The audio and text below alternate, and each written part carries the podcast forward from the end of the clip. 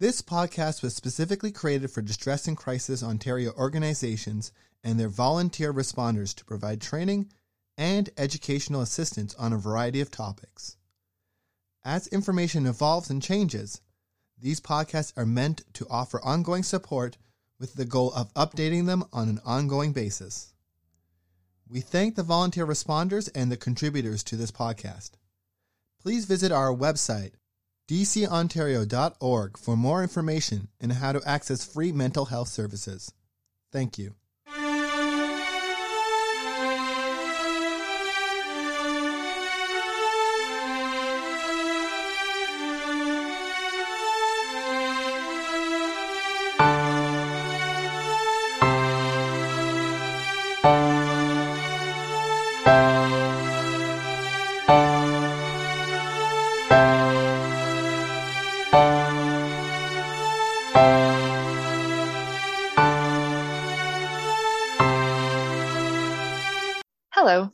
Caitlin Plant, Program Manager for Distress and Crisis Ontario, and thank you for joining us for this week's podcast.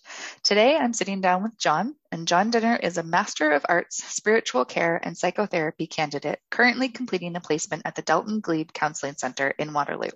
He has experience working as a journalist, in a small business, at a large national corporation, and as a self employed consultant working coast to coast to coast. John has also been married for 40 years, is the father of young adults, and recently became a grandfather. He has kindly joined us today to share some advice on how to plan financially for the holiday season. So, John, thank you for being here. Great to be here. Thanks, Kayla. Could you please begin by telling our listeners a little bit more about yourself? Yeah, so I guess where I might start, given the topic, is is that I'm not a uh, professional financial advisor or counselor. A lot of what I've learned is based on personal experience. So, as you suggested or inferred, um, as a grandfather, I've, I've got a few miles behind me, and so I've I've learned from my mistakes, and I've also figured out to some degree with my wife kind of what works, what doesn't. Um, I guess what I'm really thankful for is we haven't ever made any really serious missteps for which I'm thankful. But like anybody else, uh, we've made some decisions that, uh, you know, looking back on them, I would do a bit differently. So, uh, you know, my, my, my work experience, my life experience, my upbringing, uh, my parents, I would say were quite conservative when it came to how one deals with one's money. I remember my father always encouraging me, even as a, a young teen, to, you know, always have money in the bank. Well, you know, as a teen, I really wasn't interested in saving, but I think some of that carried over, right? So I'll, I'll try to impart that and hopefully it's uh, helpful and relevant. Well, thank you. So, yeah, I guess to start us off on the topic of budgeting for the holidays, what can you tell us about your experience with planning for that financial strain that so many people experience around the Christmas season, especially? Yeah, well, I just think there's so much pressure brought to bear on the whole idea of giving in particular at Christmas and throughout the holidays. And I don't typically go into too many stores, but I know Halloween is just past and I know they switch gears really quickly to all of a sudden, you know, the Christmas decorations start showing up right? And it's not because these are such necessarily festive people who are really into, you know, the holiday spirit. It's because there's a certain amount of defined time between now and December 25th when they can sell us things and they're taking every advantage of that, right? So, um, we live in a consumer society. It's all about, to some degree, at least, what we buy and what we own. And Christmas is probably the the time of year when that's probably more pointed and more challenging for us than ever. And and beyond just being, you know, consumer oriented, where so much value and importance is placed on the things that we have or don't have. You know, I think we're trying to meet people's expectations so much, real or perceived. Um, and yet within limits, you know, that we need to I guess, acknowledge, right? Most of us don't have unlimited financial resources. And so within all those pressures, figuring out how do I find a balance? And I guess what I would really recommend is, you know, once Christmas is all over and you, you know, you get through New Year's and we're into 2022, what do you want to look back on and say was great and what do you want to avoid what do you not want to regret and i suspect avoiding regret around spending too much um, maybe near the top of that list mm-hmm. so you did already touch on it a little bit there but we do live in a society that seems to advertise holiday debt as totally normal. And sadly, the numbers do seem to reflect this uh, when we mm-hmm. kind of come out of the holiday season. So, do you have any suggestions that you could give on how we can kind of avoid that cycle? Yeah, you know, I think there's really uh, perhaps a really important starting point is just being reflective about you know what's really important to you as an individual and your family perhaps however you want to define that about the holiday season you know is it about relationships and people, then if that's the case, then, then as much as you can, you know, focus on that, what's really important. Uh, sort of put gift giving in its rightful place, however you want to define that. Uh, I think it's really, you know, give, gift giving is a wonderful thing. Um, I guess a big question is asking, you know, how meaningful are gifts to those receiving them? Um, is it more about a sense of obligation returning a favor, making an impression, you know, if it's, you know, friends or family or, you know, whoever. Um, so I just think starting with that is to say, you know, what is this time of year all about for you? And as much as you can, um, define it in your own terms as opposed to uh, those being, you know, recommended to us by people we'll never see or know, but are, uh, on the receiving end of your generosity, which may or may not be uh, something that you can necessarily afford. So I guess that's not a bad, for my mind, that's not a bad starting point. I think there's some other things. Um, you know, how do you want to manage holiday stress? And if your financial situation kind of ranks up among that, you know, how can we do that in terms of limiting the expectations of others in terms of how we respond?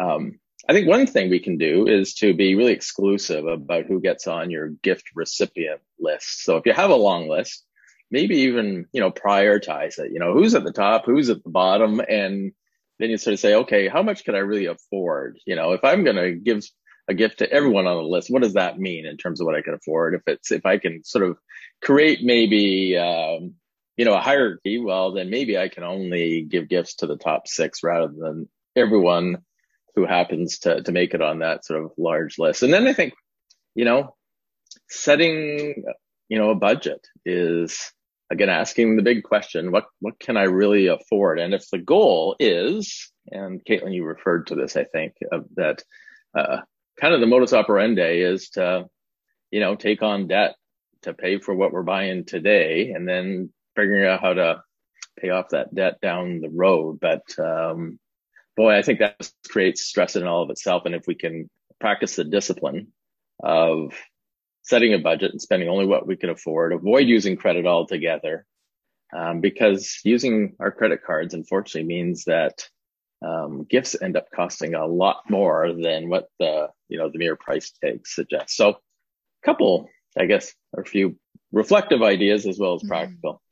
Yeah. So you did, yeah, kind of give us a, a couple strategies there. Um, but I'm just wondering if there are any like concrete practices or, or yeah, strategies that you and your family use that you have found to be helpful in the past. Yeah. Yeah.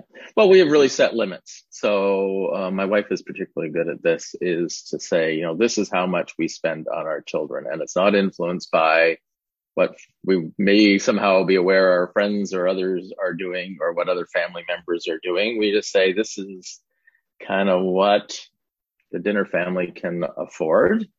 Um, and we, as much as we can, kind of ignore what, you know, others are doing because we just don't want to be pressured in, in that way. And I guess what it really does, it, it, it means, you know, when the holidays are over, we're, we're feeling pretty good things about things. And I think t- teaches our, our kids or has taught our kids really good lessons that I hope they're going to apply in their families, right? That um, you can't always, as the Rolling Stones would say, get what you want. Um, and at Christmas time, that's particularly true, I think. And yeah, I think it's just financial management can start really young. And when everyone sort of comes to that place where they know uh, it's not limitless. I think everyone will be well served by that. And I see my kids today, so they're all in their 30s with children of their own now. And uh, yeah, I'd say for the most part, I'm not saying they're following us directly, but I think each of them have a, an awareness of of money and what's good about money and and where the problems start and what you end up suffering if if you let those problems sort of take over. Mm-hmm. So that actually leads us very nicely into our next question, which is kind of how important it is to be able to have these conversations about money with our loved ones, with our friends, with any of those people. So I'm thinking when when you're saying that we need to prioritize our lists, um, if we feel like we need to have a conversation with people about that, right? If we need to say to them, hey, listen, here's my situation this year. This is the best that I can do. And mm-hmm. kind of not feel bad about that because I know that that's something that people can they can hear you say that and they can go yeah that's that's easy enough to say but I have to still somehow tell these people this right so do you have for any sure. suggestions for how yeah how we can open up those conversations yeah well I guess a real you know real life example you know as my family my siblings we became you know left the family home became independent you know the dynamic changes and you sort of say okay what does this mean about you know gift giving at Christmas and then you know, we, our own individual families expanded and all of a sudden that potential Christmas list expanded. So, you know, I recall my sister, um, you know, gift giving was her gift. And, uh, my brother, I think he was kind of regarded by some as kind of at the other end of the spectrum, right? And I might have been somewhere in the middle. And so there was just this inherent conflict. And, and I guess it's just really important to remember that, that the source of, of conflict generally in relationships is is often about money right and and so we shouldn't be surprised first of all when it occurs because it's almost like it's hardwired into the human psyche that that money's going to find its way into it and uh, and and be problematic and so you know eventually i think it's just around having the courage of saying hey you know um, it would be great but i just I'm not you know in a position I'm just having to compromise and and uh, and doing it in such a way, not being really defensive, but just kind of putting it out there, just being really honest and authentic about it. And you know, I think it it, it can work out. And now that my kids are out and independent, you know, that has changed too. There was a time when everyone was buying for everybody, and you know, they're fairly new in their careers and they've got more financial pressures as parents and homeowners some aren't homeowners, but uh, but it's just that you know you've got to look at that big picture, I think, and so say where does this fit in that, as opposed to you know kind of setting Christmas, you know, offline and saying it's going to be treated entirely differently. It's just one more expense that we incur over the course of a year or whatever, and and something that if we can anticipate and budget for as opposed to, you know, December 1st comes and we have this list that we feel we have to meet and we don't have any money set aside, that that can be really problematic. So there's a couple things in there, right? It's about, you know, talking to family members and just sort of saying, here's what we can do and how do we, you know, really enjoy the holidays without, you know, undermining everything because doing stuff we really don't feel good about. And, um, yeah, and just being open to change over time because people's situations change. We have to, I think, as much as we can. It's good for us to to be able to adapt as opposed to feeling like we've got handcuffs because of expectations. Mm-hmm. So we, we've also already kind of touched on this a little bit, but in terms mm-hmm. of also maintaining our mental health, because mm-hmm. as we all know, that financial strain can really impact things. Mm-hmm. Just, just how important is it that we keep that in mind that that these actions are going to directly impact our mental health either coming into and out of the holidays and how important yeah it is just to make sure that we're we're aware of that as well yeah well i think you know there's a bit of a tragic irony because i think a lot of us really look forward to christmas and we look forward to being with family and we look forward to you know being generous and yet it has a funny way of coming back on us right and we have maybe these idealistic ideas of what Christmas is going to be all like, and whether it's Christmas or any other holiday that we're celebrating around this time of year. Uh, and so it's really being, I think, about being honest with ourselves. And again, it's sometimes I think it's good to be future focused and say, you know, when all this is over, what I want, what do I want to be able to say is true? You know, that I don't have a huge debt load that I don't feel like I did last year and, and say, okay, well, what, what sort of strategies can I put in place? Like where, where's the, the pressure point or the problem and, and how can I sort of plan for that now? And I think part of it is sort of really managing, tempering expectations and the demands that we place on ourselves. Because my suspicion is, is that people aren't placing demands on us. We are assuming them based on assumptions or you know what we think might be true, but it isn't necessarily. And you know, I think there's a there's a degree of sort of pride in all of this. You know, we want to keep up, and just to let that go if we can, and and and really look at how much we're trying to accomplish during the holidays, and and you know, it's meant to be a holiday. It's meant to be a break. And so, how do we how do we uh, kind of organize our time and our activities to help preserve as much of that as we can, knowing that there's going to be stress, right? Like it's, you know, as much as the, the Christmas images might suggest, you know, family time is, you know, joyous and everyone's thrilled to be with each other and we all have big smiles and we go away just with these happy memories. It just isn't like that all the time. You know, it's, it's uh, complicated. There's certainly those moments, but there's also, it's mixed with, with pressure and stress and conflict. And so how do we navigate that and trying to come up with some ideas just to slow things down to really enjoy and not, uh, you know, again, I, I, think we create either these mental lists or real lists of what we have to do. And if we can kind of chop them off at a certain point, say, this is what's doable. This is what I'm going to enjoy. This is what people will really appreciate. And let's forget about, if we can, all the add ons that we tend to easily include. Mm, yeah. Our listeners can't see how much I'm, I'm nodding on and agreeing with what you're saying, but uh, I definitely can relate to a lot of that. I, similar to you, come from what is now a big family. Um, mm-hmm. I have two siblings and all of us have children. And, and yeah, this has been kind of a years long process as well for us to find what works for us. And uh, yeah, it's, it's definitely, I think that you're right that a lot of the times the expectations that we think others have for the holiday are actually expectations that we are just coming up with ourselves. And the worst that can happen when you have these conversations is that, yes, somebody gets a little bit upset about it, mm-hmm. but that doesn't reflect on you. And, mm-hmm. and that's just something else that you can then deal with. But at least you know that you have made the choice that's right for you and your family and your situation. For sure. You know, one thing I, I read just recently that has really impacted me, um, because I don't think I ever sort of saw relationships through this lens, but the statement was that, you know, you cannot have really meaningful, intimate relationships without conflict because conflict forces us to be real and to figure out the solution to preserve or restore relationships or to guard against relationships um, sort of going into the ditch. And so it's, it's really meaningful. And conflict is kind of a gift in that regard.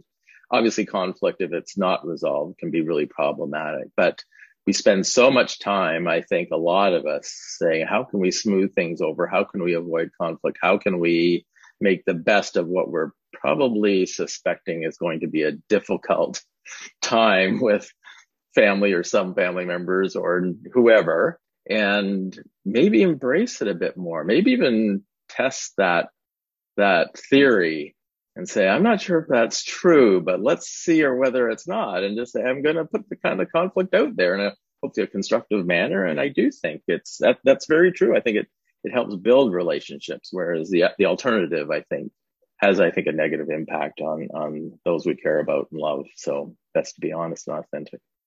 Mm, yeah. So if there is one key thing that you would like our listeners to take away from this conversation today, what would that be? Well, I think, you know, do yourself a favor.